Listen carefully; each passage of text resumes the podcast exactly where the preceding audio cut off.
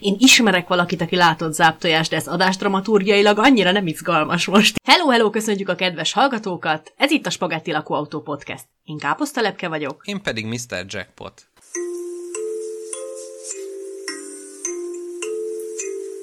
Spagetti lakóautó, a senkinek se való sajtó.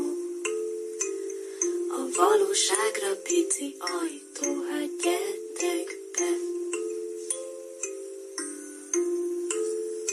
A mai adásban húsvét ellenére is egy nagyon aktuális témát választottunk, és nem a keresztrefeszítés, vagy egymás locsolása és utána tüdőgyulladásba való meghalás témáját választottuk, hanem a tojásét, ami gyakorlatilag, ahogy a kis főtojásról egyenként szedegetjük le a kis tojáshéj szilánkokat, úgy vettük észre, hogy egyre nagyobb és egyre mélyebb témát tartalmaz, úgyhogy nagyon ígéretes lesz az első szegmensünk. A második szegmensben pedig a szépségről fogunk beszélni. És harmadik szegmensként egy sketchet fogunk megvillantani. Én nagyon szeretném, hogyha a hallgatókat mi a minden tudásunk pálcában marinálnánk, tehát hogy nem mondanánk azt nekik, hogy igazából így fingunk sincs, hogy mi lesz a sketch. Ja, tehát most elárultam hanem... most kicsit a színházi előadás közben a világosító beborult hátul a díszletbe, azt mondod?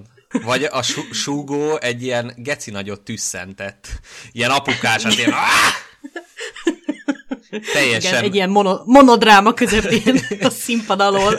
Teljesen el, elszáll a, a, a varázsa. Na de, kanyarodjunk rá a szolgálati közleményekre, és akkor ha már a sketch szóba került, akkor a sorban harmadiknak felírt e, szolgálati közleményemet venném előre, ami abból áll, hogy a következő epizódra arra gondoltunk, hogy a sketchünket kicsit kinyitjuk a hallgatók előtt, és inspirációt fogunk tőletek kérni. Na nem azt mondjuk, hogy mondjátok meg, hogy mit írjunk, hanem csak egy-egy pici momentumot e, tudtok majd meghatározni a történetünkben. Mivel a következő adás, hogyha megérjük, akkor a 17 lesz, ezért arra gondoltunk, hogy 17 szót, kifejezést gyűjtenénk össze, ennek a ehhez vezető Google formot meg is találjátok az adás leírásában, és arra kérnénk titeket, hogy egy szó, ami elgondolkodta titeket, amit szívesen mondtok ki, amit szívesen buktok a szerelmetek fülébe, vagy szívesen ordítotok az ellenségetek utána az utcán, egy-egy szó, ami szimpatikus nektek, írjátok be, és mi ebből 17-et ki fogunk sorsolni, és e- ezt a 17 szót felhasználva fog káposztalápkel, meg én is egy-egy sketchet kanyarintani. A második szolgálati közleményünk az a Patreon támogatóinkhoz szól, akiket ölelünk, csókolunk, ugyanis nagyon jó munkát végeznek, aminek mi azért örülünk nagyon, mert például ennek az adásnak a megvalósulásához is káposztalepkének egy új mikrofont kellett vásárolnunk, és ezt a halálfasza utáni kisközbe le kellett postázni, és ehhez a Patreon támogatóink zsozsója, suskája igazán, hát hogy is mondjam, kihagyhatatlan segítséget nyújtott. Úgyhogy nagyon köszönjük Igen, egy nektek. Viszonylag, viszonylag fontos eleme volt ennek a vásárlásnak, a pénzrész. A, a szolgálati közleményem a következő. Szóval én személyesen nagyon szépen köszönöm a nagyon kedves barátomnak a támogatás Zsófinak, Úgyhogy puszi Zsófi és minden hallgatótól egy hátba simogatást. Igen, és neked. ilyenre ébredni szerintem nagyon jó adás napon, hogy valaki értékeli a munkánkat egy darab amerikai dollárral. Na, a szolgálati közlemények vége annyi, hogy keressetek minket Telegramon, Twitteren, meg Facebookon, meg Patreonon is. Úgyhogy kezdődjék az adás, Mr. Jackpot, fogjunk bele. Jó, vágjunk bele a, le- a lecsóba. Hát a lecsóba üssünk bele egy tojást. Dva tojás, nem jön le a héja. A születésnapi tojás. Egészségedre kívánom. Köszönöm. Tudod, hogy a tojással foglalkozó tudománynak mi a neve? Oológia. Tojásológia? Majdnem. Oológia? Oológia, igen. Oológia. És azt tudod hogy a tojással való jóslásnak mi a neve? Ö, o- azt már tudod, már megtanult. Jaj, de okos vagy. Igen. Van ilyen?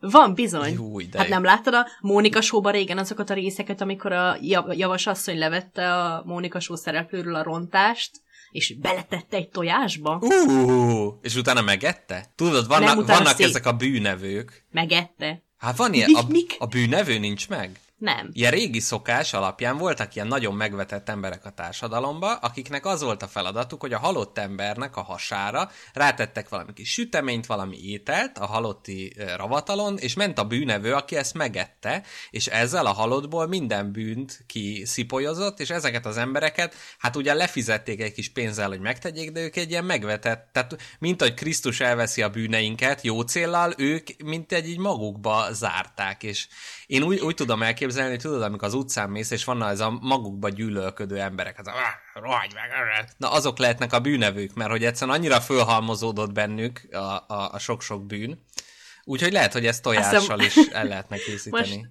segítettél megtalálni a jövőbeni hivatásomat, hogy temetésen dobostortát tegyek pénzért. Ez ennél jobbat. Imádom.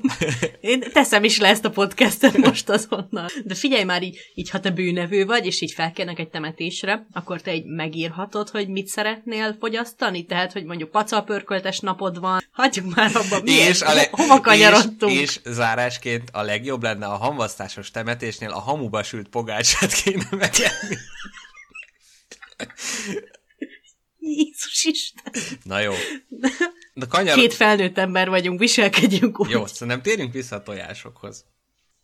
Akarsz még a ómanciáról mesélni? Vagy ez ennyi volt? Későbbiekben szeretnék. Jó. Mert mi egy másodpercet nem beszéltünk az ómanciáról. Hát de annyit, hogy van, és hogy a Mónika showba a nénye belerakja a gonoszságot a A tojás. rontás. És az lesz a záp tojás? Nem, abban lesz egy ilyen kis kő, egy ilyen kis fekete kő, ami a Ah. rontás manifestációja ott. Aha. Te láttál már tojást? Nem. Mert ez egy ilyen rettegés, tehát gyakorlatilag ez a házi asszonyoknak a mumus, ami bármikor fölbukkanhat, meg külön azért külön kell ütni a tojást, és szerintem már száz éve senki nem látott záptojást, csak így rettegünk tőle. Én ismerek valakit, aki látott záptojást, de ez adásdramaturgiailag annyira nem izgalmas most itt, úgyhogy szerintem kezdjük el, kezdjük Jó. el. Na, figyelj, szerintem ezt a témát úgy kéne elkezdeni, Mr. Jackpot, hogy először a legesleg alapjait lefektetjük a tojás témának. Jó. Úgyhogy itt van előttem egy kis ábra, amilyeneket a nyolcadikos biológia könyvbe uh-huh. szoktak beletenni, amin egy félbevágott tojás látható, de Főtt tojás? nem, nem tudom, De valószínűleg főt, mert ha nincs főve és félbevágják, akkor kifolyik. Akkor nem lenne ott semmi. Jól van, akkor egy, jól van egy főtt tojás, így már remélem el tudod képzelni, El. te városi te. Igen. Na figyelj, és itten fel vannak ám címkézve hogy melyik micsodája a tojásnak, Aha. úgyhogy most így látatlanban szeretném, hogyha te válaszolnál a kérdéseimre, hogy szerinted miből áll a tojás, tehát Jó, az jó, jó, annyira. Annyira, annyira kompakt kis egység a tojás, hogy engem nagyon fog szórakoztatni az, ahogy próbálkozol háromnál több részét felsorolni egy Ó, tojásnak. Igen, na, várjál. Tehát van kívül a héja. Akkor azon belül van egy ilyen kis hártya, amit amikor Nagyon jó. hámozod meg, akkor ott jön le, akkor azon belül van a tojás fehérje. Na, de várjál egy, egy pillanat, híhártya a pontos neve. Jó. Azért álljunk azt meg, hittem, hogy azt hittem, hogy azt mondod, hogy várjál, itt kimaradt még négy réteg. akkor megijedtem volna. Nem, Igen, nem, nem. akkor van a tojás fehérje, akkor azon... Van egy réteg purhab, Igen. Van a tojás sárgája legbelül. Igen. És mint hogyha Igen. lenne valami kis petevezeték, valami kis cuccos. Pontosan. Ennyi, ennyit a, tudnék felsorolni. a tojás sárgáját mindkét oldalon a héjához a jégzsinór köti oda. Hmm. És ö, amikor te megtörsz egy tojást, és látod azt a, a fehér fikacsíkot ott benne, Uh-huh. az akármilyen ijesztő, és akármennyire próbálod kiszedni egy villával, nem kell, mert az a jó tojásnak a jelzője, hogy Á. fel, látod a, a jégzsinort. Tehát a jégzsinort a tyúk csak akkor teszi bele, hogyha nagyon elégedett. Igen. Jaj, Hogyha úgy Istenem, érzi, de hogy eleve, eleve ez a tojásnak a létrejötte. Biztos, hogy ezt is fölírtad, vagy hogy e- erre is jövünk, de hát én egyszerűen nem is értem ez a tyúkot, mi lelte, hogy ezt csinálja. De erre majd térjünk vissza később. Jó, jó. Lesz itt még ordítozás, én látom Jó. jönni. Na és még valami van a tojásba, ami abba segít nekünk, hogy megtudjuk, hogy frisse a tojás, vagy sem. És ez a légkamra. Á, a Ugyanis- kis seggénél. A kis seggénél ott van egy ilyen kis légbuborék, Uh-huh, ami az idő előre haladtával nő. uh-huh. És ha már túl nagy ez a légkamra, akkor már túl öreg a tojás, és akkor már nem jó, és akkor lebeg a tojás. Á, A vízben, aha, ugye? Mert van ez a népi Igen. megállapítás annak, hogy jó egy tojás, és hogyha lebeg, akkor ki kell baszni. Hmm. Tehát akkor ennek biológiai alapja van, mert akkor ez egy régi tojás. Igen. Menő a légkamra, Na. csodás. Van-e kérdésed hozzá Mr. Jackpot tojásról az, a, az a kérdésem, hogy a tyúk, hogy ott ül és így kotlik, és hogy ő minden nap, eleve hány tojást tojik egy tyúk egy nap? Gondolom többet. Vagy egyet? Hát rosszul gondolod. egyet tojik? Hát izé, hát, hát basszus, hát egy csomó messzet ki kell választani a szervezetéből ahhoz, hogy toj, tojjon egy tojást. Tehát nem, Tehát ha nem van csak 10, van, hogy 10 ki tyúkom, gondolja akkor aztán... abból 8-10 tojás lesz egy nap. Mert Hát hogy igen, nem de nem mindegyik minden csinál... nap. Ja, nem minden nap csinálnak. És hogy az a szerencsétlen nap. tyúk, hogy ő nem vette még észre, hogy sose lett belőle kis csibe, és hogy mégis nyomja, nyomja, és adja. és, és a kakasnak minden nap meg kell prütykölni ahhoz, hogy ez működjön? Vagy ez ilyen, Nem, ilyen látogatóházasság, hogy egyszer megprütyköli, és akkor utána egy hónapig van tojás? Na hát az van, Mr. Jackpot, hogy a tojás nem kell a kakasnak ottan akcióznia ahhoz, hogy tojás létrejöjjön, csak a megtermékenyülés részhez kell ott akcióznia, Uh-huh. de mivel nem várjuk meg, hogy kikeljen a kis csibe, ezért nem is tudjuk meg soha, hogy épp megtermékenyített vagy megtermékenyítetlen tojást Á, teszünk. értem, értem, tehát hogy ezt mindig nyomja a tyúk, és amikor beakciózik a kakas, Igen. akkor abból lehet, de hogy ő ezt minden nap, vagy hát egy-két naponta, ezt fixen leszállítja. Igen. És ö, Aha. igazából a kérdésed azért jó, amikor elkezdték a, az emberek kitalálni, hogy ők így fogják, megeszik a tojást, akkor ö, ugye azt csinálták, hogy még nem voltak nekik házi tyúkjaik, hanem így bebe, bebemászogattak mások fészkébe, és kikiszedegettek egy-két tojglit. Ami Aha. arra sarkalta a madarakat, a tojás elvesztés, hogy akkor még gyorsan nyomjanak kettőt. Ah, Tehát, értem. hogy a Tehát az, tyúk- hogy a kis róka kizabált a, a fészekből, akkor a tyúk azt mondta, hogy jó, tojok huszat, mert annyit úgy megtelik a róka Hát hasa, nem, és hanem nem hogy fogja. ut- után kell pótolni, am- ami elveszett, és pont azért tojik egyre többet. Tehát, hogyha tyúk alatta hagynád a tojást, akkor nem tojna többet, mert ott van az utód. Hát kell, Á, kinek kell, az meg még négy. Na, még És ő... mi, na, várjál, még egy kérdésem van. Miért a tyúkot választottuk ki? Mert az könnyű tartani, és sok jó méretű tojást ad? Tehát, hogy meg buta, mint a szemét, tartanánk. lehet manipulálni. Készen állsz-e az eget rengető agyrobbantó tojásfektekre? Igen. Na, akkor kezdődjék azzal, amit már megpengettél te is. Nem mindegyik tojás Mhm. ugyanolyan színű és ugyanolyan vastag. Ez azért van, Mhm. hogy a fiatal csirke, mivel még ereje teljében van, és a méz kiválasztás az top notch, ezért keményebb tojást tojik. A tojás színről meg annyit, hogy nem csak az ilyen egzotikus madaraknak van ám más tojás színe, hanem még a tyúkok is tudnak kék vagy zöld tojást tojni.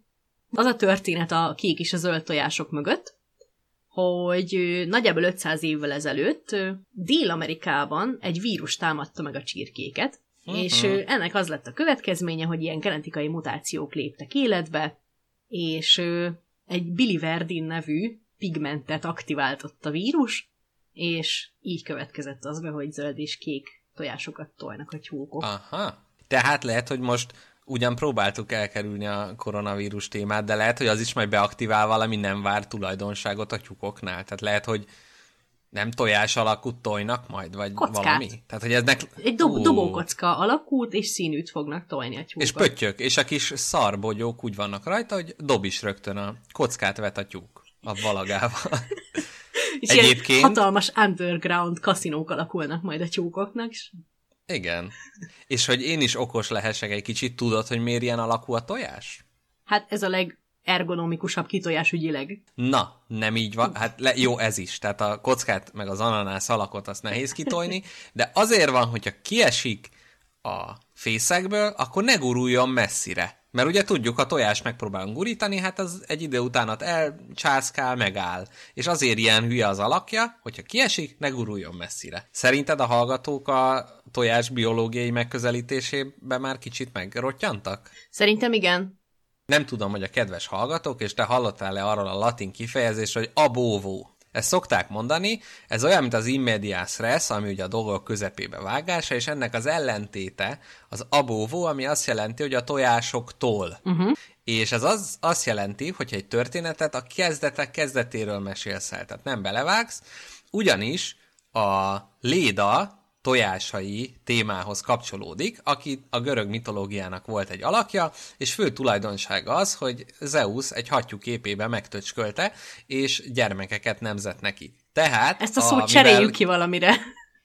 Megprütykölte. Jó. És később, amikor a trójai háborúról meséltek, mivel az ő egyik gyermeke aktív részt vett a trójai háborúba, ezért mondták, hogy hát a tojásoktól meséljük el, tehát onnantól fogva, hogy hogyan fogand meg. Egyébként itt nagyon érdekes a háttértörténet, hogyha a hallgatók esetleg nem ismernék, akkor elmesélem, hogy Zeus hattyúképébe megcsinálta, amit meg kellett csinálnia, viszont szegény Lédának lelkismeret furdalása lett, ezért hazament a férjéhez, és mondta, hogy hát drágám, tegyük fel ezt a e, jó kis jazz albumot, és bújjunk össze, ugyanis milyen jó lenne, hogyha egyszerre Zeus-tól is, meg tőle is teherbe esne, így a féltékenység az felére redukálódna, és végül Léda négy tojást tojt és az első, illetve nem, bocsánat, két tojás tojt, az egyik tojásba volt a két félisten gyermeke, a másik, két tojá, másik tojásba volt a két nem félisten gyermeke. Várjál, akkor az embertől származó csecsemője is tojásba jött világra? Az is, az is tojásba, hát tehát világos. a Zeusnak akkora hatá, hát persze, hát nehéz azért azt úgy egyszerre ki, hogy... de amúgy ez milyen érdekesen, hogy az ember tojást rakna. Mert hogy a csecsemő, amikor életre kell, vagy hogy mondják, ezt megszületik. hogy mondják? Ez a, a zsúrkubi kaptam, kaptam még egy vonalat, hogy tök ilyen életképtelen az embergyerek, és milyen lenne, hogyha a megszülés az meg lenne, és akkor utána ott még erősödne a tojás. Hát még négy évig nem szobá... tudna kijönni. Igen. És akkor a nagy fejével ott... dülöngelne jobbra-balra. Nem, szerintem három, tehát hogy onnantól, hogy már járni meg mert az is, tehát most bármilyen állat megszületik, az rögtön már tud járni. Hát de várj, az, az ember gyerek meg... hogy járna a tojásban, úgy, mint a hörcsögök abban a hörcsöglabdában a lakásba. De, jó, ez pedig pont az az alak lényeg, hogy ne tudjon elgurulni. De igen, jaj. Gyerekkorodban te csináltál olyat, hogy átvilágítottad a tojás, hogy látszik-e benne a kis csirke? Nem kaptam rá kielégítő választ soha, úgyhogy ezért még, még mindig feszegeti az agyamat ez a kérdés. Igen. Na de figyelj Abszolút. már! Én, én sose láttam. De figyelj már, itt, még itt evolúciósan rámennék erre a dologra, abból a szempontból, hogy ugye kétféle, kétféle szaporodás létezik ezen a világon. Van a tojásrokás, meg az elevenszülés. Aztán lehet, hogy még van valami, hát de azért most... még van párféle, azt most igen, komolyan, hát sorolj már fel. Most már nekem hát nem jut osztódás. Jó, az hülyeség. Az nem, az, amit nem látok, nem hiszem el. Vissza, vissza, ja, jó, vissza okay. ne roncs már az argumentemet, légy szíves. Ilyen hülye tényekkel. Mondjuk azt, hogy a gerinces állatoknál ez a kettő van. Jól van. Mert még amúgy vannak peték. Az is tojás, Ugye? nem?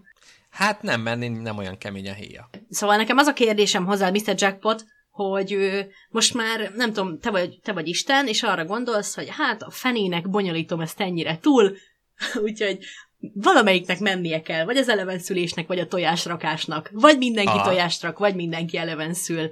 A lehető legkevesebb Aha. problémával melyikre tudnád ráállítani a világot. Tehát az embergyerek tojásban keves? probléma az csak annyi, hogy hát onnan nem tudna csomó ideig kijönni, mert a kis húsos kezeivel nem tudná áttörni a messzes falat. De figyelj, én egy ilyen őrült Wes Anderson rajongó vagyok, meg ilyen izé, Salvador Dali, meg minden, egyértelműen mindenki rakjon tojás, hát egy elefánt tojás mennyire jó már, és a kis elefánt áttöri a kis agyarával, és kitrombitál belőle. Hát de hát figyelj, az embergyerek lehet, problémás. Hogy nehe... Hát lesz, de hát mi, miért problémás? Hát nem az, mondom, hogy az anyatjuk hát, kinyomja hát, belőle? De full, Vagy melyik? Érted, full életképtelen a kis csecsemő, amikor megszületik még, vagy négy évig, még, még fel se tudja emelni a kis mancsát. Nem, hogy áttörjön hát egy És híja. addig a tojásba. Hát na az az, addig benne ott fejlődik. És négy évig akarod őrizni a... a tojásodat otthon? Hát persze. Már lekopik az, az első egy... festés a gyerekszobáról.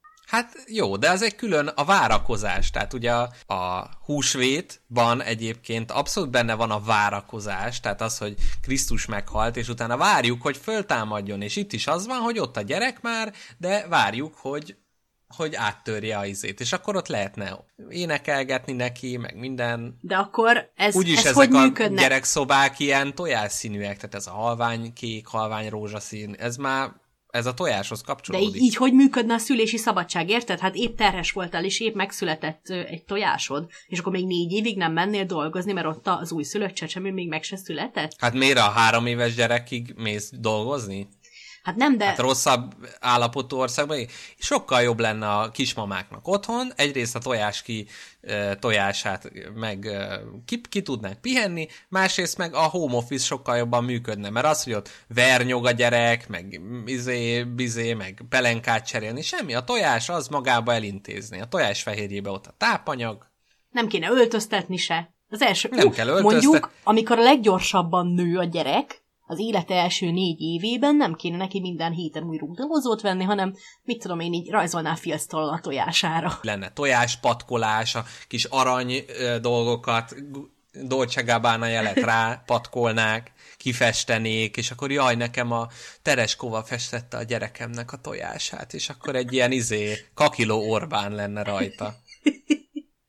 Jó, félig meggyőztél, de mondjuk, hogyha ezt más állatokra is alkalmaznánk a tojásrakást, akkor szerinted működne? Tehát most mely, hát melyik az állat... elefántnál problémásabbat nem tudok találni.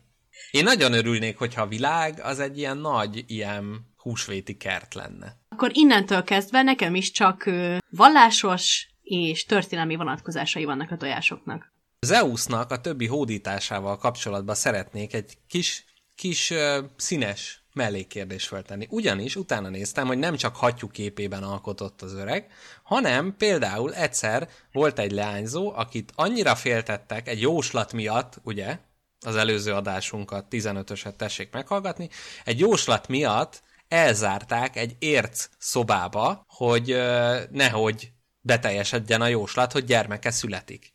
Na de, a Zeus azt mondta, hogy gyerekek, egy értszobával azért engem nem lehet távol tartani, nem egy feredély kalicka engem nem állít meg, éppen ezért aranyeső képében befolyott a réseken, és eső formájába megtermékenyítette a bent lakó kislányt, akinek félisten gyermeke született. És Na de, eső, eső harmadik... gyermek született?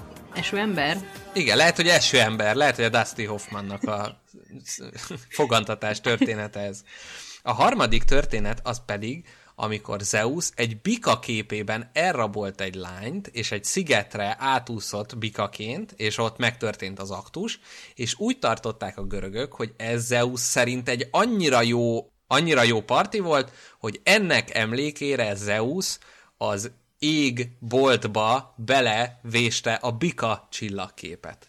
Tehát azt mondta, hogy ő Bika képében annyira jól tudta ezt csinálni, hogy ezentúl ragyogjon ott az emlék. Hogy én itt most arra kérnélek téged, hogy gondolkodjunk ezen el, hogy egy milyen jól sikerült randi, milyen esemény lenne az, amihez valamilyen csillagképet az ember föl tudna vésni az égboltjára. Tehát azért akkor lényegében Zeusé volt az első szex utáni selfie. Milyen vicces lenne, hogyha ha tetoválásként jelenne meg az emberen a helyszín, ahol történt. Uh. A, a dolog. És hogy automatikusan és megjelenne, automatikusan tehát, megjelenne, nem is igen. kell büszkék. Igen. Nagyon és jó. akkor minden este így a házaspárok átnéznék egymás bőrét, és akkor... Mi ez a traktor? Igen. Azt mondod, eddig is ott volt? Érdekes. Uh-huh. Na, hát én erre, erre tudok gondolni, én ezt ajánlom. Így az evolúciónak, ha ezt ki szeretné fejleszteni, akkor tegye. Nagyon jó. Figyelj már, hüllőtojás miért nem eszünk? Komodói varánusz miért nem hát, szoktunk? Hát, nem tudom, most egy, most egy vipera rántottát ide raknák elém, nem biztos, hogy megenném. Jó, hát ezt... Viper rántotta. Ezt szerintem meg is magyaráztad, azt nem is tudom, miért kérdeztem meg. Az Animal Planet egyszer csinált egy sellős kamu dokumentumfilmet, tehát hogy szakért, úgy, szakértőket alkalmazott, akik persze színészek voltak, de, de hogy így, így, így teljesen hihetően összehoztak egy ilyen másfél órás dokumentumfilmet egy sellő ízlelésről, meg egy sellő boncolásról. Szerintem hatszor hm. láttam, és, és még mindig elhiszem, pedig ki van írva nagybetűkkel alá, hogy áll dokumentumfilm. Komu. Akarsz hallani a tojásból jóslásról? Igen, régóta szeretnék. Jól van. Akkor mesélek neked. Szóval, hogy azt képzeld el, hogy a tojás, ugye, az egy olyan szimbólum, ami nagyjából az összes kultúrában hasonlót jelképez, a feltámadást, feltámadást az újjászületést, a termékenységet, és ez egy ilyen misztikus dolog, ami összeköti a múltat és a jelent a és a jövőt.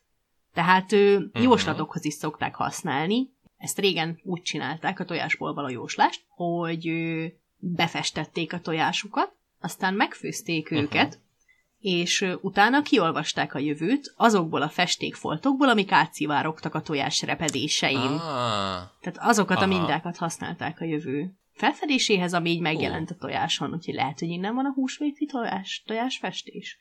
Vagy te azt tudod, hogy miért van, miért festjük a tojásokat? Öm, én csak azt mondom, hogy a perzsák csinálták először, és ők a tavaszi napi egyenlőségkor, ami a Perzsa új év volt, akkor kezdték festeni, és hogy hát ez ilyen termékenységi dolog volt, és hogy mi, ahogy feldíszítjük a karácsonyfát, ők az akkori új évnél lévő dolgot, a tojást. A tojás 2019-ben elég nagy kört futott be, tehát a legesleg lájkoltabb kép az egész interneten, az egy tojás volt. Mert ő uh-huh.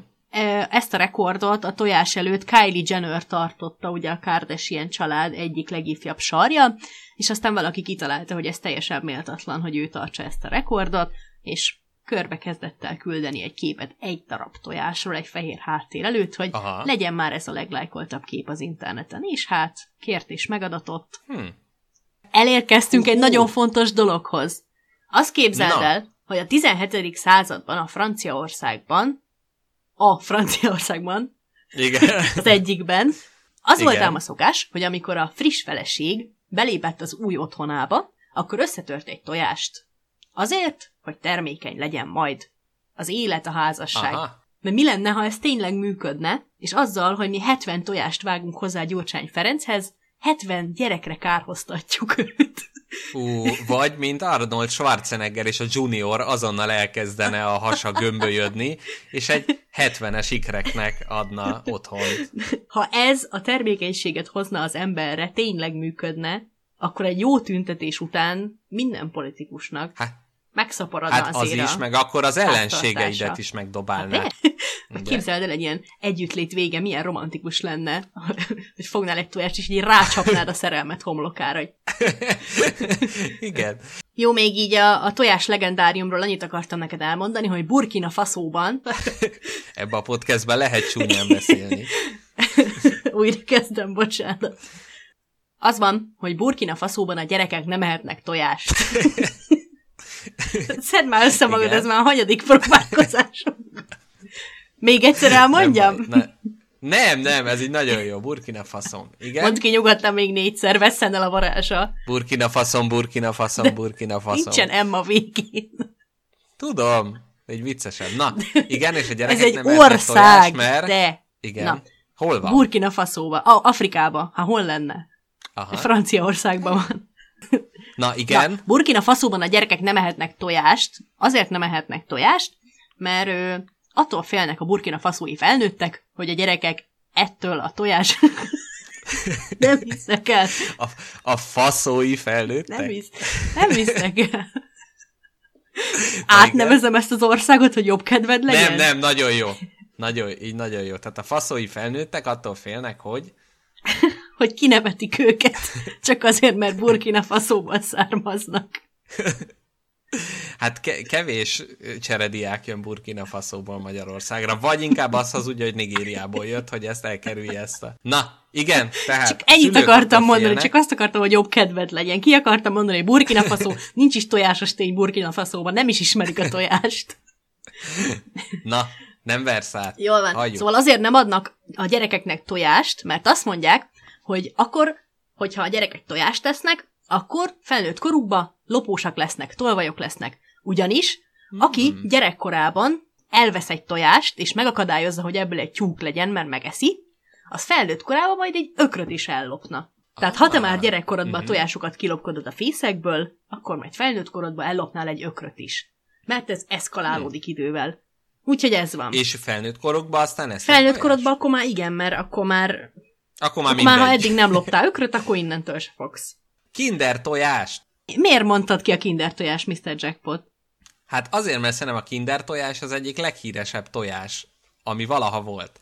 És képzeld el, utána néztem a kinder tojásnak, a kinder meglepetés eredetileg egy olasz gyártmány. Tehát kinder, mint a német gyermek szó, az csak egy megtévesztés, ezt Olaszországban És a magyar meglepetés a szó is csak a félrevezetés miatt került rá a tojásra. Így van, így van. Azt nem is értik más országba, de nálunk ezért különösen sikeres.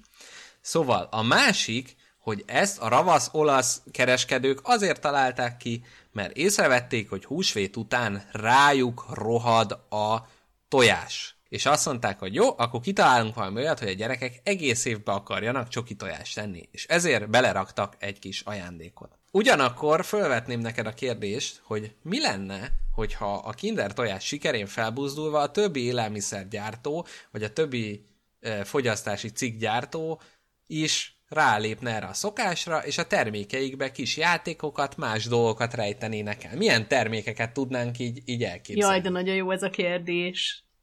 Hát mi Na, az, aminek fel köszönöm. kéne lendíteni az eladását? Mi az, amiről úgy érzed, hogy nem adnak el eleget belőle, mondjuk gyümölcsöket vagy zöldségeket megszerettetni a gyerekekkel? Például.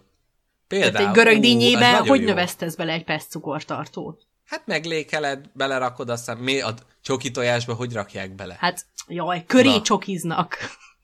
Meg... Hát itt is az van.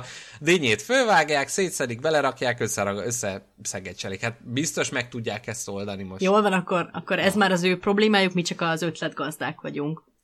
Pontosan, vagy például orvosokat foglalkoztatnának, és összeműtik, meg körbe varják utána a dinnyét. Szerintem mindegy, hogy hány életet követel, ezt meg kell oldjuk ezt a problémát. Vagy hát ugye a dinnyébe szoktak így vodkát beleönteni, és egy eleve mm. üveges tűben. Bár ez inkább a termékcsomagolás, tehát itt, itt bár azért meglepődnék, ha a dinnye közepén ott lenne egy üveg vodka. Uh-huh. De az biztos, hogy így, így könnyebben bele lehetne vezetni. Tehát az, nem próbáltad, de ha már ott van benne az üveg vodka, ez aztán a meglepetés. Nem olyan kinder meglepetés. Kenyérbe mit raknál bele? Abba könnyű belesütni például. De mindenképp a közepébe kell rakni? Persze. Aha.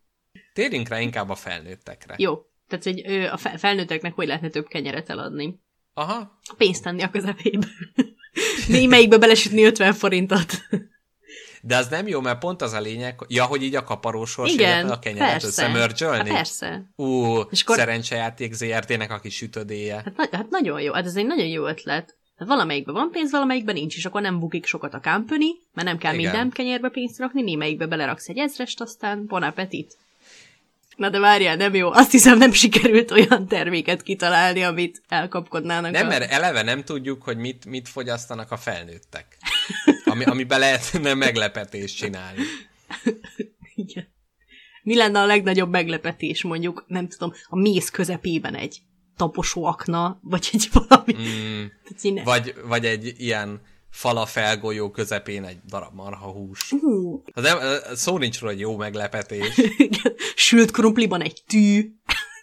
Tudod, kik szoktak nagyon sok ilyen valamibe, valamibe csomagolt valamit találni? A vámosok, ők nagyon sokat szoktak ilyesmit találni. Ja, mm, ez a farönkbe csomagolt cigi. Igen. Igen, ez ez a ö, e- egy tonna banánba rejtett kokain, tehát hogy igen. ők ezt szerintem a kinder tojás mintájára találták ki a csempészek. Igen. Hát kitaláltunk-e jobbat, mint a, a Nem, nem, ezen még dolgozni kell. Ba- bár mondjuk egy kávéba rejtett cigi, Ú, Tehát tökéletes. ugye, mert kávézni többen kávéznak, már a dohányzásra rá lehet vezetni őket, ha már ott van. Nem dobod ki, megpróbálod. Persze két addiktív dolgot összehozni, akinek már amúgy is van hajlam arra, hogy ráfüggjön a kávéra, az majd lehet a cigire is rá fog csúszni. Okos. Szerintem megoldottuk. Okos. Káposztelepke van még eh, topikod tojásügyileg? Van. Tudod-e, hogy miért fontos jelképe a tojás a húsvétnak? Mondd, hogy nem, és akkor én elmagyarázom. Nem tudom, de nem az újjászületés? Ja, Istenem, de ne roncs már el. Csillogjak jó, már én hát is. Ez... Jó. De ne, azért hülyének nem fogom tettetni magam, jó? Inkább akkor vezess föl kijelentésként, egy kérdésbe burkolt jó. kijelentés. Tudom, hogy miért a tojás a jelképe a húsvétnak, és most el is fogom mondani, és csöndben maradsz alatta. Jó. Azért van a, a tök egyértelmű újjászületés, megszületés szimbólum mellett, mert Jézus ugyanúgy törte fel a kis sírkamrájának a kövét, ahogy egy kis madár töri szét a tojást, amikor kikel belőle. Igen. Ezért van. Hm, na, ez nagyon szép. És Jézust valahogy el is tudom képzelni egy ilyen kis galambnak, amint ott már nem a puki galamb, hanem egy ilyen fehér galambnak. Meg nem is egy ilyen retkes város, ilyen izé, félszemű sánta, puklis lábú, hanem egy ilyen Na. szép mazsatod, békegalamb. Elég hamar átértünk itt a blaszfémiára, de most még kicsit visszatérnék itt a szép dolgokhoz. Én csupa jót mondtam csak. Egy retkes Jézusom. galamb. Hát, hogy nem az. Jó, jó, nem egy az. szép, tiszta galamb. Te örülni, ha valaki oda menne hozzád, és azt mondaná, hogy hm, jackpot, te nem egy retkes galamb vagy. Te egy tiszta galamb vagy.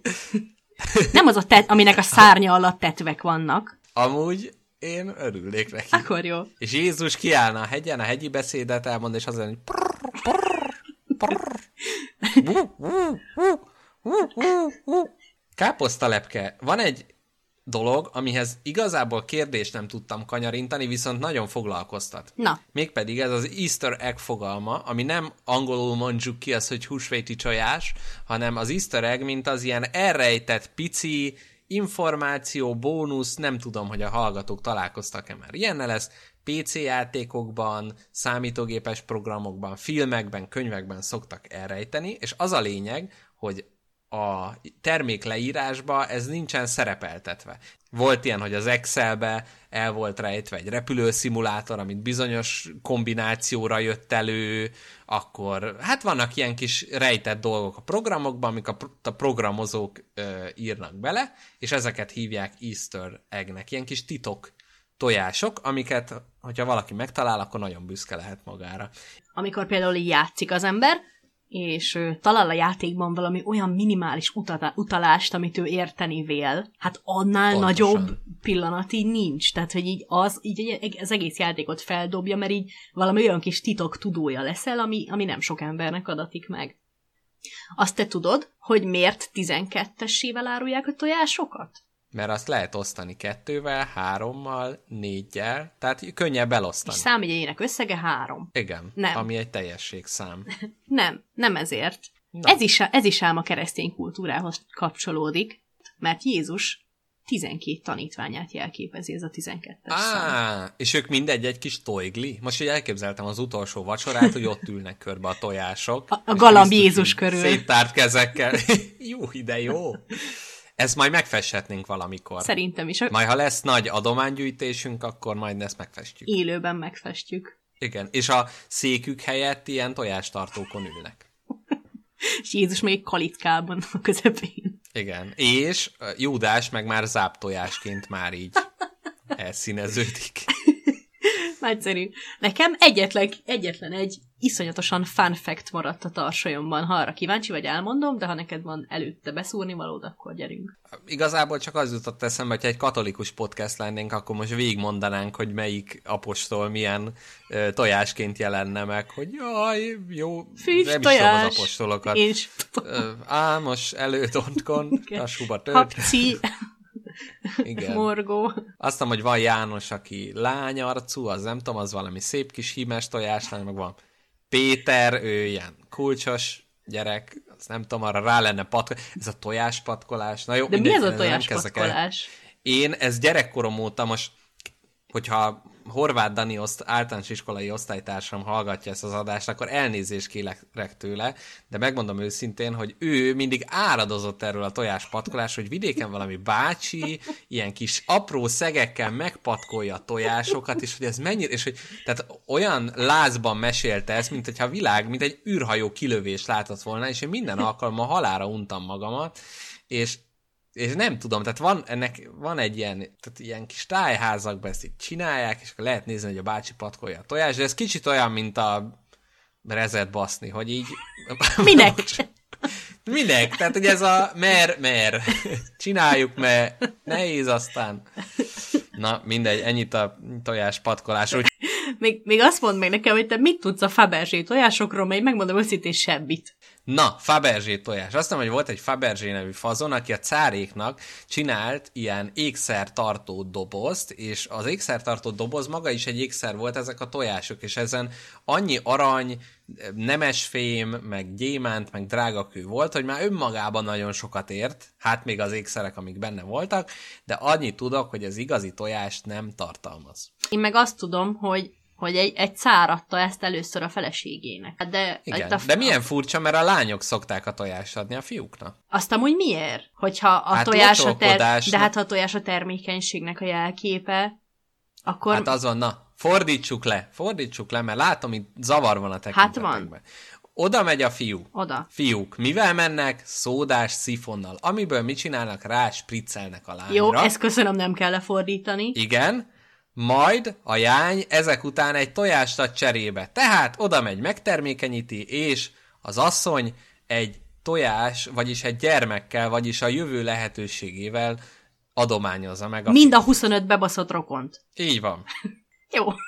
Hát mert akkor még nem tudhatja, meg ugye régen ez nem az volt, hogy mindenki mindenkit locsolt, hanem csak a hajadon lányok és a hajadon fiúk, vagy hogy mondják ezt, a kis legények, ezek csinálták ezeket a dolgokat.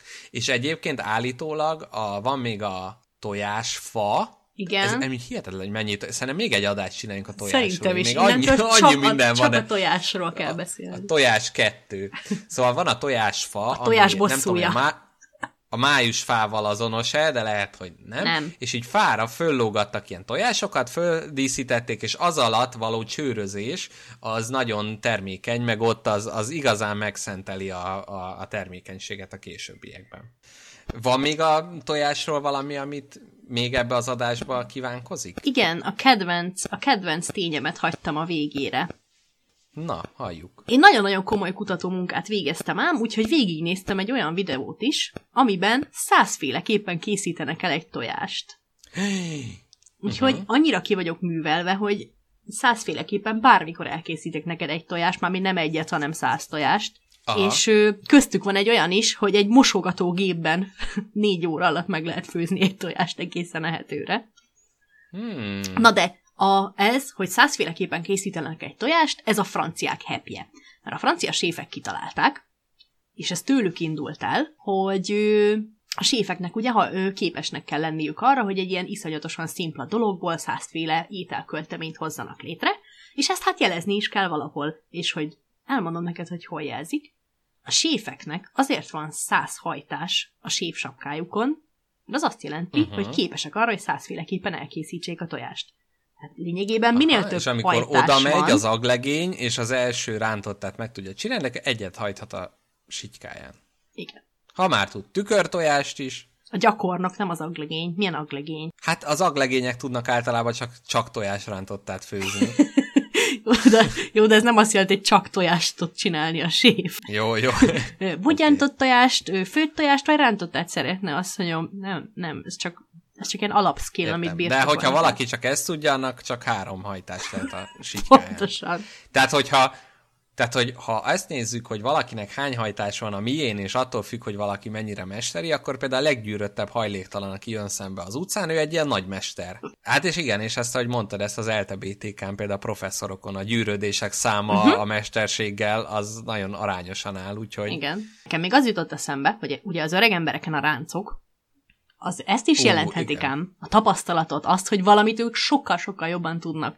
És aztán az elmúlás, a meghalás pedig az, hogy szimplán túl sok ráncod lesz, és így magadba fordulsz. Mint egy fekete lyuk. Ú, Tehát már minden Tényleg, tudást már megszereztél, annyira- amit már emberileg annyi- meg lehet, ezért már Igen. vége lehet a dolognak. Hm. Úgyhogy nagyon jó. ezért nem fog soha meghalni Úristen. Sharon Stone, mert annyi botox van benne, meg, hogy egy darab gyűrődés sincs az arcám. Tehát ő a tapasztalatlanságot és a tudatlanságot emelte az arcára. Igen, mert ugye a társadalomban milyen kívánt tulajdonsága egy nőnek a nem tudás. Hát érted? Hmm. Ne legyél túl okos, mert akkor majd nem kell ez senkinek. Sharon Stone ezt Csak a tükör sima arcával pontosan hozza. Ő nem tud semmit. Ő egy ma született bárány. Nulla tudás. Kedves hallgatók, köszönjük, hogy velünk voltatok ezen a kis gasztronómiai és kulturális esem és biológiai eseményen, ahol megtudtunk többet erről a furcsa alakú kis dologról. Én hú, nagyon élveztem, de azt mondom, hogy érdemes a kis hangjáték után is velünk maradni, mert a szépségről fogunk kicsit komolyabb hangvétellel beszélni. A kávézás észrevétlenül váltott át újságolvasásba. Már egy igazi délelőtti nap fényei villóztak a levegőévben. A szoba kivilágosodott, a porszemek tündököltek, a szőnyegen néhány hosszú aranyszál csillant bűnösen. A vasárnapi mellékletben elolvasta a novellát. Szép, mondta a hallgatak falaknak helyesen. Szép, alig van elrontva. Sziasztok, kedves hallgatók, a második szegmensben, ahol a szépséggel fogunk foglalkozni. Mi magunk ketten, kik nagyon szépek vagyunk. Na de a viccet félretéve, már nem, már ez nem vicc, viccet, de hogy igen. nem vicc, na, aki mást állít, az egy hazudós dög. Szóval, um, igazából azért gondoltam, hogy ez egy olyan téma, amivel érdemes lehet foglalkoznunk a spagettiben, mert így azt vettem észre, bár ezt most kicsit úgy sem, mint hogy a spanyol viaszt én találtam volna föl, de hogy az emberek ugye nagyon más dolgokat tartanak szépnek, más tartanak ízlésesnek, és ami valaki szerint gyönyörű szép, az más szerint csúnya, vagy nem jó, igénytelen, de hogy közben meg mégiscsak van valami ilyen közös tudás, vagy közös ízlés, ami alapján valamit jónak találunk, és azért gondoltam, hogy erről talán érdemes lehet ö, dumcsiznunk. Nekem már van is egy nyitó kérdésem pont ezzel kapcsolatban, Na. amit egy számomra nagyon kedves podcastben szoktak mindig vitatni. A Csúnya Rossz Majomban a Dr. Egri János doktor veszőparipája az, hogy jó zene igenis van, létezik, van olyan zene, amit bárhonnan vizsgálunk meg, az jó. Van-e ilyen a szépségben? Aha. A szépség az így kultúránként eltér, hogy a környezetünk Aha. formája, az, ahol felnőttünk, az formája, hogy mit találunk szépnek, és hogy így tanulható is igazából. Mondjuk, hogyha találkozol egy új dologgal, akkor arról neked el kell dönteni, hogy ezt szépnek tartod, vagy sem. Na de, van-e olyan szépség? Tehát, hogy van-e ilyen alapegysége a szépségnek? Ugye a kilónak van egy ilyen fizikai etalonja, tehát, hogy van Aha. egy valami, amit egy szívben tartanak, és az az egy kiló, és ahhoz mérnek mindent, az az ultimate egy kiló, annál egy kilóba egy kiló nincsen. Jó, ez igazából... És akkor azt gondolod, hogy a szépségnek is van egy mintája Párizs mellett elzárva egy szépbe, ott egy szép nő a egységnyi szépség? Ezt akarom tőled kérdezni. Jó, bocsánat, azt hozzá, hozzá kell tenni az igazsághoz, hogy 2019 márciusáig volt ez az etalon a, az egy kilónak az alapja, azóta már a plank állandót használják, de hát kiszámolja. Szóval... Ja. szóval... Nagyon szép. Szóval erre vagyok kíváncsi, hogy szerinted van-e valami, amit így használhatnánk a szépség alapegységeként, hogy mit tudom én, te ilyen tíz hóvirágos szép vagy. Tehát, hogy van-e valami, hm. amire minden kultúra, minden embere azt mondja, hogy na, bazd meg, ez a szépség. Na, én uh, itt hozott anyagból dolgoznék, ugyanis ezt már nálam okosabb emberek felállítottak egy ilyen állandót erre, ami úgy néz ki a Helén állandó, ami arról szól, hogy szép Helénáért ezer hajó kelt útra Trójába a háborúhoz, mert ő egy nagyon szép volt, tehát egy milli Helén az egy olyan szépségű nő, akiért egyetlen darab, darab hajó elindulna. Ez most tehát én itt azt mondom, igen. Ne idegesíts, hogy ezt nem te találtad ki. Nem én találtam ki, ez, ez hozott anyagból van. Tehát, hogy igazából, mivel a szépségben mindenképp benne van valamilyen szinten a szubjektivitás, valami átlagot kell számolni, hogy hány ember szerint szép az a dolog, vagy hány hajót indítana útnak azért, hogy az sikerüljön megszerezni, és akkor ez alapján, mert hogy lehet, hogy valakinek van egy csúnya felesége, de ő nagyon szereti, akkor azért összever buvá öt hajót. De más meg az, hogy egy ugyan már inkább rákászna azokkal a hajókkal, az sokkal, sokkal hasznosabb. Meg hogyha most, ha belegondolunk például a nyelveknél, tehát itt a szépséget tárjuk kicsit ki, hogy a nyelveknél Például az, hogy az olasz nyelvre azt mondják mindenki, hogy jaj, az milyen szép. Dallamos, az egy szép nyelv. De mondjuk a szerb vagy az orosz nyelvre ritkán mondják, hogy jaj, de szép, ahogy torlódnak a mással hangzók. Tehát, hogy mégiscsak van valami olyasmi dolog, persze biztos a szerbeknek meg az oroszoknak az valamilyen módon szép, de hogy ebbe azért van egy ilyen közmegegyezés az embereknél, hogy, hogy valami eleve szép, vagy eleve nem szép. Tehát, hogy minthogyha ez a természethez valahogy kapcsolódna. Tehát nem csak az, hogy jaj, utálom az olaszokat, és fú, de csúnyán beszélnek. Nem, mert azért az tényleg egy dallamos, egy arányos dolog. Tehát, hogy mégiscsak van valami, nem, nem csak a kultúrákból sarjadhat ez a dolog, szerintem. Hm. Tehát akkor azt most azonnal még a szegmens kezdetén vess, vessük el, hogy ez egy ilyen vizuális dolog a szépség. Tehát semmi esetre sem csak a szemnek lehet valami szép. Nem, nem, nem. Szerintem hát egy szép zene, tehát hogy valami inkább így a harmonikus, vagy, vagy valami ehhez kapcsolódó. Meg hogy én itt citálnám be például, hogyha a szem irányából, akkor mondjuk a, a festmények esetén, hogy ott is ez egy szép festmény, ez egy csúnya festmény, ezt így meg lehet mondani, de hogy például a, a klasszikus festmények esetén ugye mindig ott vannak a messzelen cicis lányok, meg tájak, meg mindenféle ilyen dolgok, amiket szépnek találunk, és hogy ezek olyan gondosan vannak ezek a régi régi festmények megfestve, hogy erre mindenki azt mondja, hogy hm, ez szép, még hogyha neki nem tetszik, tehát ott nem a tetszésről van szó, mert én is egy tájképről, vagy nem tudom, fürdőző asszonyok festményre mondhatom azt, hogy ez szép, de nem érdekel, nem tetszik, stb. De az el kell ismernem, hogy az egy szép kép. Tehát nem, nem feltétlenül, és hogy mondjuk a modern művészetnél az, hogy van a vörös négyzetfestmény, vagy vannak ö, absztrakt festmények, ott nincs meg ez az alapdifal dolog, hogy ez szép, hanem ott már rögtön játékba hozza a nézőt, hogy ez most jó kép, nem jó kép, mert a szépség ki lett húzva a lába alól, tehát hogy nem feltétlenül az, hogy jó, ez szép, nem is kell gondolkodni róla, mert hogy ez egy ilyen természetes dolog, tehát hogy innentől fogva kicsit olyan, mintha a szépség önmagában az ízlésen kívül is létezne. Pontosan ezt szerettem volna neked felvetni, hogy én azt hiszem, hogy, hogy így alapos gondolkodás után kétféle szépséget tudnék megkülönböztetni.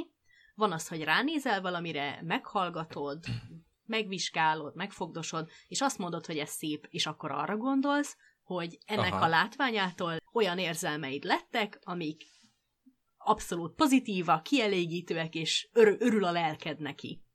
Uh-huh. Meg van az a másik féle szépség, van egy festmény, ami mondjuk neked nem annyira tetszik, vagy van egy zene, ami neked annyira nem annyira tetszik de azt mondod, hogy igen, basszus, ez egy mestermunka, ott van minden a helyén, igényel lett elkészítve, mesteremberek készítették, ez az én személyes problémám, hogy nekem mondjuk annyira nem jön be a klasszikus rock, de ezek a zenészek az meg tudtak valamit.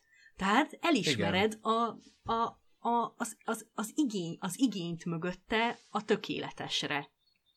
Tehát, Igen. hogy a maga nemében páratlan, annak ellenére, hogy nem mondod azt, hogy tehát, hogy neked ez tetszik. Tehát akkor mégiscsak van valami olyan szépség, ami nem feltétlen kelt benned örömet, hanem csak elismered azt, hogy erre törekszik.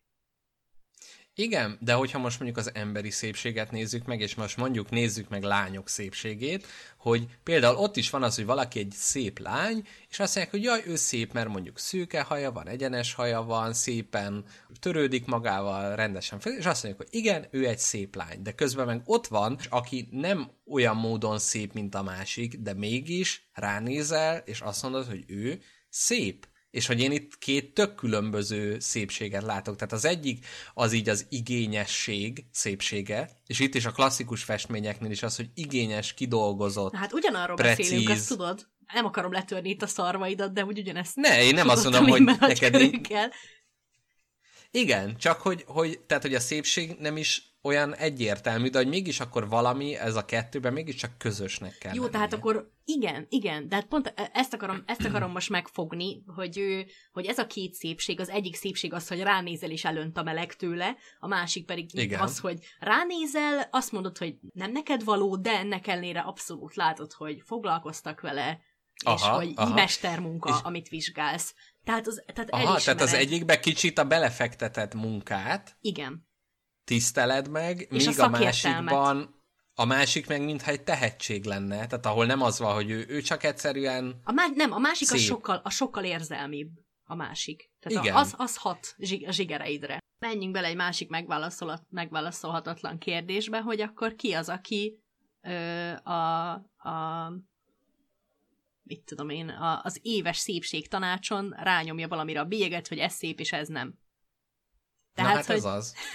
tehát, hogy tehát, hogy mégiscsak a stíl, tehát, hogy va- valahogy a, a közösség meghatározza, tehát, hogy ami divatos, arra azt gondoljuk, hogy szép, de hogy mégis nehéz egy olyan dolgot divatba hozni, ami, ami az embereket nem szólítja meg valahol zsigerileg. Tehát én most kitaláltam, hogy nylon szatyrot kell a testemre húzni, és abba menni, és elterjesztem és megmarketingelem meg minden, de, de szerintem az mégse győzi meg az embereket. Tehát azt mondod, hogy teljes mértékben nem vagyunk arra taníthatóak, hogy mi a szép, tehát annak ellenére, hogy te is biztos vagyok benne, hogy beleegyezel abba a, a, az ötletembe, hogy nagyon eltér kultúránként a szépségfogalom, meg a, a környezetünk, biztos, meg minden, minden körülvevő dolog formál minket, de azt mondod, hogy szarból várat nem lehet csinálni. Tehát akárhány évet fektetünk igen. bele, so, sohasem a kvazimódó lesz tehát, a hogy a, igen, tehát a, az okni szandált nem lehet úgy megmarketingelni, hogy az egyszer ö, ízléses legyen. Akkor szeretnék ezzel nem egyetérteni. Na, Mert ő, mikor, mikor új dolgokkal találkozik az ember, vagy olyan dologgal, ami eddig őt nem érdekelte, akkor meg Aha. kell tanulnia, hogy mi a szép és mi a nem. És az egy tőle teljesen független dolog. Például nekem mindig férfi ismerőseim mondják, hogy ú, láttad ezt a kocsit, milyen szép. Hát, passz uh-huh. meg, hát egy nem tudom hány kiló vas. Hát ok. nem, nem, ne, nem értem. De hogy nem, annak a vonalait, Aha, Nem mert ér- hogy kell nem elég értem. autót látni ahhoz, hogy te azt lásd, hogy az egy kiemelkedik abból a, a Hát, hát, vagy- tendenciából. Életemben nem volt, hogy ránéztem egy autóra, és azt mondtam volna, hogy ez nagyon szép, hogy ez itt engem megszólított valami ebben. Tehát, hogy nekem meg kellett tanuljam azt, hogy társadalmilag melyik autóra elfogadott azt mondani, Ja, hogy igen. szép. Hogy várja, ennek az a bika van az elején. Új, de szép! Igen, és hogy így vagyok az épületekkel is, hogy nyilván laikusan ránézek egy épületre, és meg tudom mondani, hogy szépe vagy sem. De ez a szépség, ez pusztán annyit jelent, hogy, hogy mosolygok, amikor ránézek. Nem azt jelenti, hogy én bármennyit is értek ehhez az egészhez. A, a, azok a dolgok, amiket én szépnek találok, akkor azokat én Tanultad mondjuk mind. Nem. nem tudom. nem te találtad ki, sajnálom. Nem te Tehát, találtad tehát olyan ki. emberek, akik szimpatikusak, vagy olyan nem tudom, filmrendezők, olyan írók, olyan képzőművészek, olyan barátai, mindenki, és azokból, hogy amit ők szépnek találtak, én abból összeollóztam a magam szépségfogalmát, Igen, én ennek hívője vagyok, mert ő, és akkor mi van az aranymetszéssel? mi, mi az? meg a Fibonacci számsorra. Hát az, hogy tudod, vannak ilyen matematikai ilyen, ilyen arányok, amit hogyha rárakunk egy képre, és olyan arányba van mondjuk kivágva, hogy mondjuk így harmadolva, és ott a téma, és balra tőle két egység, jobbra tőle egy egység, akkor ez egy harmonikus kép, és akkor azt mondjuk, hogy az úgy sokkal jobban tetszik nekünk, mint hogyha ha aránytalanul lenne valahol elrendezve. Tehát, hogy kicsit olyan, mint hogyha a természet mégiscsak szuszakolná nekünk azt, hogy, hogy mi a szép. Tehát, hogy a természetben is az arányosság, a szimetria, ezeket szép dolgoknak találjuk.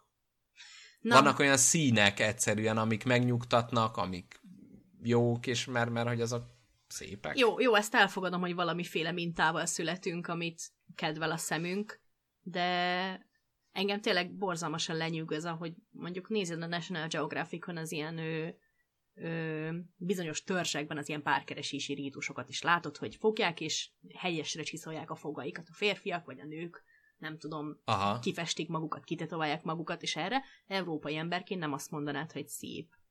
Viszont Aha. ne, ne, nekik meg nincs szebb annál a csávónál, akinek a leghegyesebbek a fogai a törzsben. Ez milyen érdekes, hogy száz ember arcot megmutatnánk, minden embernek a világon ugyanazt a százat, és ki kéne választaniuk közülük a öt legszebbet. És hogy valószínűleg tényleg tök más lenne. Igen, viszont a, a férfi szépségről annyit, hogy láttam egyszer egy ilyen, olvastam egyszer egy ilyen cikket, láttam, már elárultam, hogy A- nem olvastam, csak rápillantottam, hogy volt két férfi arc egymás mellett, ami nagyon hasonlított egymásra, annyi volt szimplán a különbség, hogy míg az egyik kölyüknek a homloka volt egy picit szélesebb, a másik kölyüknek az álla. Uh-huh. Tehát ő, ugyanaz a férfi arc, csak ő, keskenyebb, keskenyebb állal, szélesebb homlokkal, illetve fordítva. És hogy Aha. ő kultúrától függetlenül, tehát igyekeztek a lehető legtöbb alatt megkérdezni, mindenkinek a, a szélesebb állú férfira esett a választás, hogy ő lényegesen jóképűbb, mint a ugyan, vagy picit különböző ikertestvére. Aha. Tehát, hogy itt biztos van valami evolúciós dolog, hogy nem tudom, szélesebb vállú férfi az jobban több embernek szép, a nem tudom, szélesebb csípőjű lány, az érted? Tehát, Igen, ez- az ilyen igen, ez valami- párkeresésnek az ilyen biológiai, evolúció, Tehát kémiai Ebből részei. a szempontból elfogadom azt, amit mondtál, hogy lehet, hogy van valami minta, ami alap. Tehát, hogy nem lehet teljesen a nulláról egy tökéletesen különböző szépségideált felépíteni. Tehát, hogy lehet valami olyan, ami tetszik a, az Zulu törzs főnökének is, meg nekem is. A másik, ami még eszembe jutott, hogy az, amit mi szépnek látunk, az emberi szépsége. Tehát az, hogy mi most a világot alakítjuk, és kerteket hozunk létre, épületeket, stb. Tehát, hogy, hogy vajon tehát, hogy ez kicsit megint az a, az a kérdés, hogy van, van-e valami egyetemes szépség dolog. Tehát mondjuk egy, egy kutya, akit befogadunk a házunkba, akkor, hogy ő, ő ott lehet, hogy tök más tart szépnek, meg a, tehát, hogy biztos, vagy vajon az állatok látnak így dolgokat szépnek, nem csak az, hogy kívánatos-e a párkeresés szempontjából, hanem hogy mennek, és így megnézi a rigó, hogy na, ez a fa, ez nagyon szép, ez, nagyon jó kis, vagy va, van ilyen vajon? Vagy ez egy ilyen emberi dolog, hogy a szépségben így megfürdőzünk? Szerintem... Aha, szerintem egyértelműen van, van valami, ami, ami hajtja az állatokat hogy vonzódnak valamihez, vagy sem. Például vannak ezek a, ezek a fészekrakós madarak, akik mindenféle ö, színes lópöcsöket raknak a fészkükbe, csak azért, hogy vonzák oda a tojót. Aha. Hát az, a, tehát, hogy annak sincsen semmi fizikai haszna, hogy, hogy ott egy egy kupak, meg egy Hát de, mert oda, darab, oda vonza a... a... Tudom én, darab saláta a fészekbe. Oda vonza a kloákát, amire neki szüksége van. De mi vonza oda? Tehát, tehát hogy mi az? Tehát valami szépséget látnak Aha. akkor biztos benne, mert semmi haszna nincs. Tehát díszítgeti, cicomázgatja az otthonát. Aha. Tehát én, én mindenképp mondanám azt, hogy az állatok is vonzódnak valami miatt vala, tehát a dolgokhoz. Aha. Tehát valami viszi őket. A, a kutyáknak és a kutyajátékok is színesek meg. Tehát, De a kutyák érted? elvileg nem is látnak ha. színeket, nem? Akkor lehet, hogy ez miattam színes, mert én szívesebben Persze, mint neki a pink fosbarna, mint a szürkét. Kézzelem minden kutyajáték szürke lenne, úgyis mindegy nekik. Nem látja. Videk. Na de, hogyha meg kéne állapítani egy ilyen szépség etalont, akkor mi lenne az? Én tudod, nagyon jól tudod, hogy megint mifelé fogok húzni, hogy mi vesz minket körbe, hát a természet, akkor mondjuk a szépség etalon az egy vörös rózsa. Vagy hmm. egy fogföldi ibolya. Hogy a virág? Tehát, hogy mi az... Nem, nem... De a virágok is mi? azért jók, mert hogy szimmetrikusak. Szerintem a, a szimmetria... Jó, akkor egy szép alma. Nem, én, na jó, bocsánat, ez, ez nagyon, itt nagyon szenvedélyes gyűlölője vagyok a szimmetriának, na. és nem csak azért, hogy itt kihúzzam magam a többségből, hogy ja, izé káposztaletkevek, és nem szeretem a szimmetriát, uh-huh. hanem tényleg, tényleg úgy érzem, hogy hogy engem zavar. Uh-huh.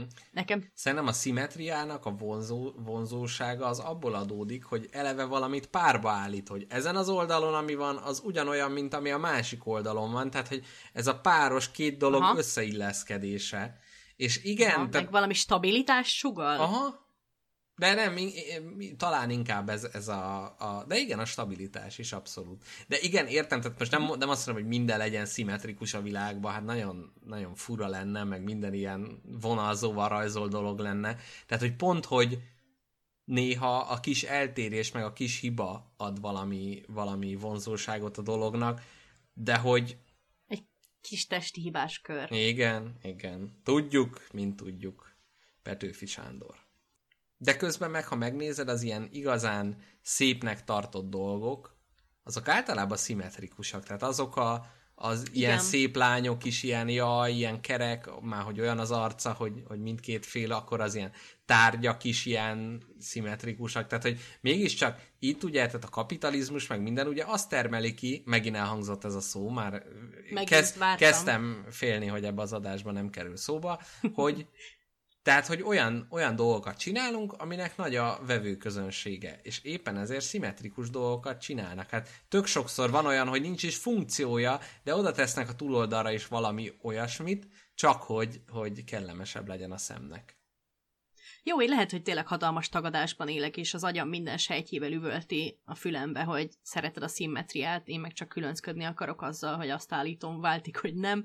Én, én könnyen lehet, hogy tudat alatt tényleg én is vonzódom a szimmetriához. Ezt, ez, Igen, ezt, de az aszimmetriában is van abszolút, abszolút vonzó, de hogyha választani kéne, hogy a természet mit próbál nekünk mondani, akkor legyen a szimmetria. Két szemed van, két orjuk, a, a szád se csálé, két kezed van. Amúgy ez milyen fura, az ember tök szimmetrikus.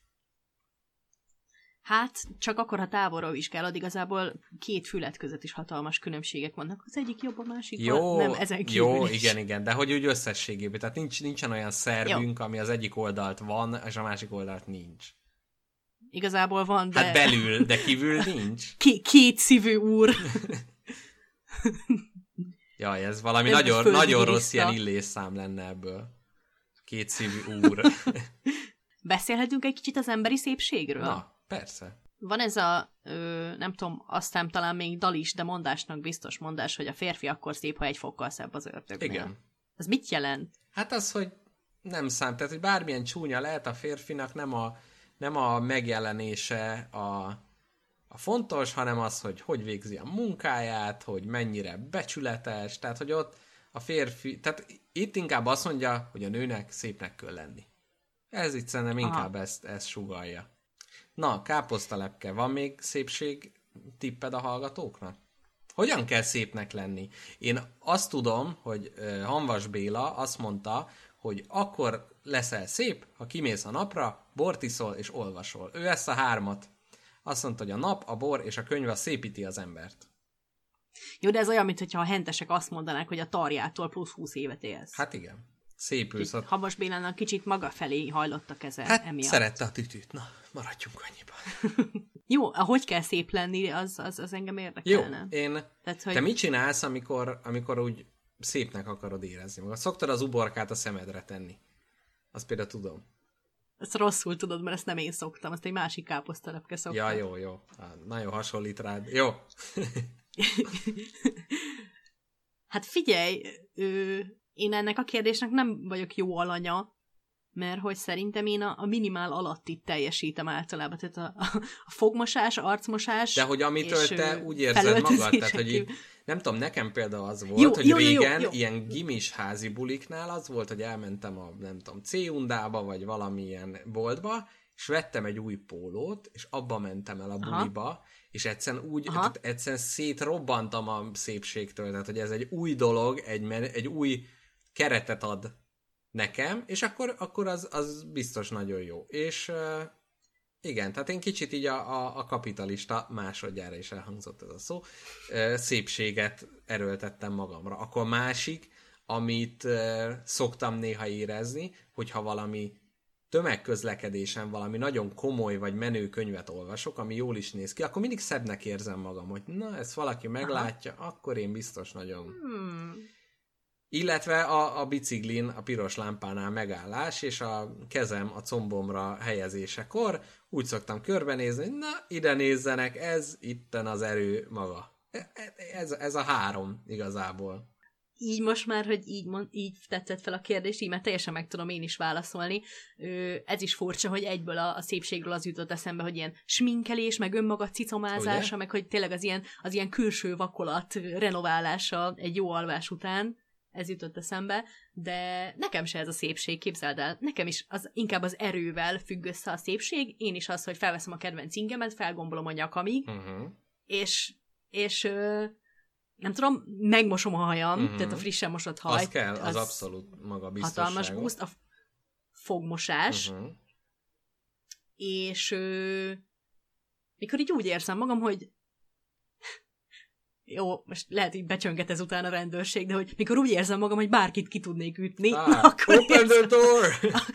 akkor, akkor érzem azt, hogy, hogy na, na, ez, ez egy jó nap. Tehát nekem is az erővel függ ez össze, és így a magabiztossággal. Igen, ez így nagyon ilyen, ilyen YouTube férfi tanácsadói videó feelingű, de tényleg az, hogy az ember mennyire Igen, érzi, bocsi. de nem, nem, hogy az ember mennyire érzi magabiztosnak magát, és hogy hogy megy, és hogy áll hozzá a dolgokhoz, szerintem az nagyon sokat számít. Aha. Én, én még zenét is szoktam erre az esetre hallgatni. Ú, Mindig nagyon jó. Meg ki. akkor is, amikor jó zenét hallgatsz, és arra tudsz úgy menni, Igen. az akkor... Ú, Így igen. van, mikor ritmusra lépsz, és úgy érzed, hogy letérdepel a lábad előtt minden galamb. Igen. Ú, tényleg. Szerinted a hallgatóink Hmm. minket szépnek gondolnak? Nem is láttak még minket. Hát gondolnak, éppen Ezt ez az. Szépnek képzelnek, vajon? Aha. Szépnek képzelnek el minket? Aztán majd csalódnak nagyot. Hát nem tudom, nekem olyanok voltak ezek a podcast dolgok, hogy amikor hallgattam másokat, és nem tudtam, hogy hogy néznek ki, kicsit mindig megrökkönyödtem utána, amikor láttam őket, de nem azért, mert csúnyák, hanem egyszerűen a hang alapján egy más, más személy rajzolódott ki előttem. Ez, ez tök érdekes lenne megvizsgálni valahogy, hogy azok az emberek, akik minket hallgatnak, és ne Isten, szeretik is a spagettit, ha ők látnak meg minket először, és hogyha teljesen idegenek látnak meg minket először, szerintem sokkal nagyobb esélyen mondják a spagettisek azt, hogy ja, ez egy két, két jó kinéző ember. Ez, ebbe biztos vagyok. És itt megint visszakanyarodtunk ahhoz, hogy, hogy aki szimpatikus ember, az, amit mond, vagy amit tetszik neki, hogy az, az őt is megszépíti. Te mit, te mit mondasz arra, hogy így az ember, mikor így megkérdezgetik, amúgy ezt a kérdést sohasem fogom megérteni, hogy neked mi az ideálod? Akkor így mindenki Jaj. ugye lefest valamit, Én, én mindig, és aztán összejön egy olyan emberrel, aki ennek a szöges ellentét. én, én mindig vért izzadtam ezeknél, próbáltam úgy csinálni, mintha normális lennék, és kitaláltam egy ilyen... Hát igen, ezt, ezt tudok Sem, társulni. nem meg, tehát, hogy tényleg, a, tényleg az, hogy annyira átsüt a... Magas, Igen, szőke... barna, Azt mondom, hogy mert sokan mondják, hogy jaj, a külső nem, csak a belső, hogy szerintem tök, de hogy a személyiség az formálja a külsőnket is. Egyértelműen, egyértelműen. Nekem például nagyon nehezemre esik képről megmondani egy emberről, hogy ezt én Steve-nek tartanám, ha Igen. Meg hányszor vele. van az, hogy valakiről van egy ilyen kép, és akkor utána rá se ismersz. Mert annak a képnek hát... van valami olyan vibe vagy vagy jól be van állítva, vagy a környezet, vagy akkor egy olyan arcát mutatja, de hogy mozgásban meg teljesen más. Meg ilyen, ilyen, ilyen nagyon apró dolgok, amiket csinál az ember, például, hogy hogy, hogy tolja fel a szemüvegét, vagy tényleg ilyen... Melyik ujjával túrja az orrát. el. Igen. Igen. Na jó, ez szép volt. Ez szép volt, így van. mint az ókori rómaiak és görögök, mint egy ilyen kis szófán terpeszkedve, szőlőt falatozva döntöttük el hölgyekről, hogy hány hajót indítanánk értük tengerre, festményeket, zenéket, filmeket értékeltünk tökéletes, precíz szemünkkel, viszont most átkanyarodunk a harmadik szegmensbe, ahol egy kis sketchel örvendeztetjük meg a hallgatókat. Sziasztok, kedves hallgatók, itt a 16. epizód legvégén. Mivel, hogy kiharcoltam magamnak a szegmens felvezetés privilégiumát, ezért egyedül fogom most itt elmondani nektek, mi lesz a sketch most. Ez egy érdekes történet, ami 2013-ban indul, amikor Káposztelepke gimnazista volt, és kitalálta, hogy ő beír a suli újságba egy novellát, kérdezte, hogy milyen témáról írjon, azt mondták, hogy csinál, amit akar. Akkoriban rengeteget átsorogtam ám a busz megállóban az iskola után, hogy megvárjam a kisközi buszt, ami majd hazaszállít 20 perc egykölődés után, és kedvenc szórakozásom volt figyelni egy kis buckát a busz megállóban, ami úgy keletkezett, hogy az odaültetett fák gyökerei felnyomták a burkolatot. Mikor rábukkantam erre az ősrégi novellára, akkor nagyon nagy örömmel mutattam meg Mr. Jackpotnak, aki kitalálta, hogy fogja ezt az ősrégi novellát, és feldolgozza az eredeti szerző iránti puszta szeretetéből. Úgyhogy először az eredeti novella fog elhangzani, 2013-as Bucka című alkotás a kis káposztalepke tollából, másodjára pedig Mr. Jackpot életre hívja a belső Stephen Kingjét, és egy jó nagy sötét csavart ad az írománynak. Hallgassátok szeretettel! Két dolog állandó a gyulai buszpályaudvaron. A tilalom ellenére nyugodtan, sőt büszkén cigarettázók és egy bucka. Ötödik éve kénytelen engem járatain megtűrni a volán, ami rengeteg buszmegállóban kódorgást jelent. Mivel soha sehová nem érek oda időben, ezért többször késtem már le buszt, mint hogy ezt bemerném vallani. Ilyenkor van, hogy több órás holt időt kell kezeljek valahogy. Egy dolog van, ami sosem hagyott még cserben. Az a bizonyos bucka. Valamikor régen, amikor parkosítás címszó alatt egy fát ültettek a pályaudvarra, még fogalmuk sem volt arról, hogy öt évnyi szórakozásomat alapozták meg. Az évek során a fa növekedett, és szerteágazó gyökérzetével felnyomta a gondosan lerakott négyzet alakú térköveket. Egy nem túl nagy, de alattomos hullámot képezve a burkolaton. Ez a képződmény pontosan a kettes megálló előtt található, ahol a legnagyobb a forgalom. Be kell valljam, hogy óriási élvezettel nézem, ahogy a bucka az emberi szem nem egyenletes terep esetén fellépő térlátási gyengeségeit használja ki, és némán orvul szedi áldozatait a siető járókelők személyében. Ám engem mégsem a káröröm után való sóvárgás késztet a bucka fixírozásra, sokkal inkább a reakciók szórakoztatnak. Ez alapján kétféle embertípus tudok megkülönböztetni.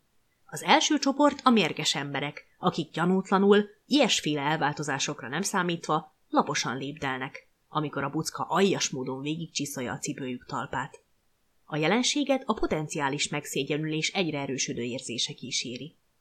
Az egyén a saját áldozat szerepének felismerése után mérgesen pillant a buckára, esetleg még le is szídja azt hirtelen haragjában. Mikor felfogja, hogy a váratlan stressz helyzet arra késztette, hogy egy élettelen dolgot szidott le a saját figyelmetlensége miatt, még kínosabbnak érezve a szituációt, lopva körül pillant, azt remélve, hogy mindenki saját magával van elfoglalva, és az eset valahogy átsusszant az általuk észlelt dolgok hálóján.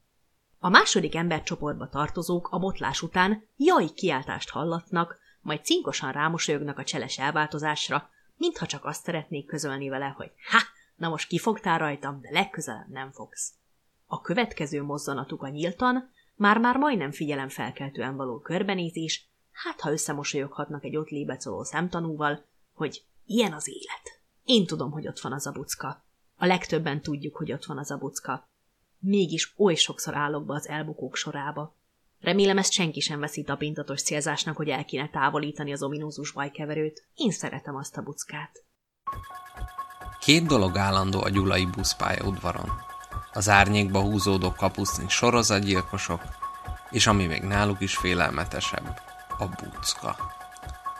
Már öt éve járom a ködös alföldi utcákat, és nem mondom, hogy könnyen innen baszálna a bátorságom. Lekésem a buszt, fagyos szél végig a kihalt állomáson.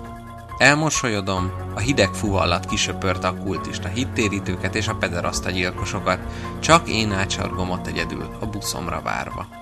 Amikor öt éve a polgármester egy indián temető fölé elültette a fát, akkor még nem sejtett, hogy micsoda rémet szabadított a város lakóira. És rám. A fa növekedett az évek alatt, és egyre gonoszabb lett. Elgáncsolta a nyugdíjasokat, térköveket hajított a nyitott babaringatók irányába, ágaira felakadt és kimúlt egy gördeszkázó kislány. De mindez semmi ahhoz képest, amit a föld alatt művelt. Gyökerei létrehozták a sátán új szolgáját a buckát. Ez a képződmény pontosan a kettes megálló előtt található, ahol a legnagyobb a forgalom.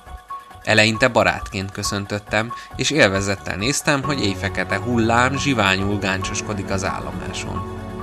Látta, hogy figyelem, de rám se derített. Így volt alkalmam megfigyelni ördögi munkásságát, lassan igazi hívője lettem a gyűlölet dudorának. Hamar megállapítottam, hogy áldozatainak kétféle csoportja figyelhető meg. Az egyik fel se fogja a támadást. Tovább szívja a cigarettáját, miközben a bucka gondosan lékeli meg a koponyájukat. Ezek a szerencsétlenek próbálnak úgy tenni, mintha mi sem történt volna. Törött sípcsontjukkal húzzák magukat tovább, véres csíkokkal keresztezve a pályaudvart. Vagy zavartan próbálják ingükről lesöpörni a földarabkákat, miközben a bucka élve temeti el őket, a trafik mögötti földterületen. A másik csoport tagjai megpróbálnak alkut kötni az ördöggel. Könyörögnek a buckának, beajánlják áldozatnak az ismerőseiket, a lelküket, egy szál cigarettát, mindent. De a buckán senki nem találhatott fogást. Amikor azon az éjszakán a pályaudvaron róttam a köröket, hogy a hideget kiüzem tagjaimból, egyszer csak lépés közben a földhöz súrlódott a cipőm talpa. Tudtam, hogy mi van ott. Tudtam, hogy a bucka elől nincs menekvés. Szeretett ismerősként köszöntöttem, és szembenéztem a sorsommal. Sziasztok, kedves hallgatók! Véget ért a mai spagetti. Reméljük jól szórakoztatok. Jól van, jól van. Én is puszilok mindenkit. Én voltam Káposztalepke, ő volt Mr. Jackpot, és köszönjük, hogy velünk tartottatok, és tegyétek ezt legközelebb is. És ne felejtsétek el, hogy küldjetek nekünk szavakat a leírásba lévő linken, hogy a következő epizódban egy igazán furcsa, összemozaikozott patchwork között sketchel tudjunk titeket meglepni. És boldog nyuszit, jó tojást, maradjatok otthon, maradjatok együtt, és hallgassátok velünk együtt meg ezt a csodás olasz számot, melyet Káposzta Lepke javaslatára játszunk le nektek. Puszi! Sziasztok!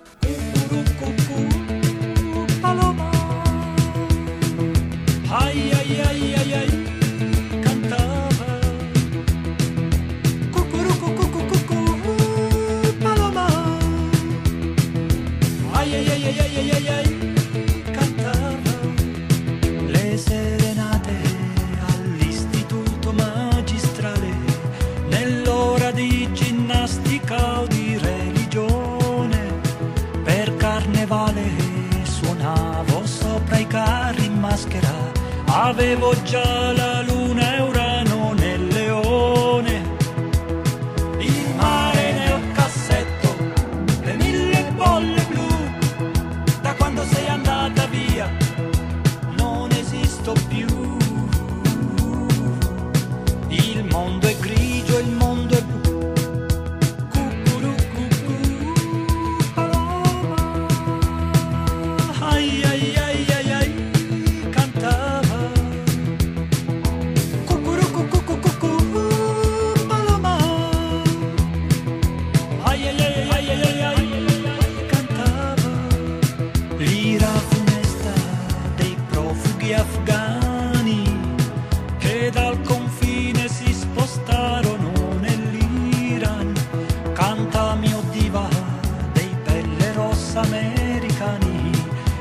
teste erotiche di scuopelle di luna, le penne stilografiche con l'inchiostro blu, la barba con rasoio e le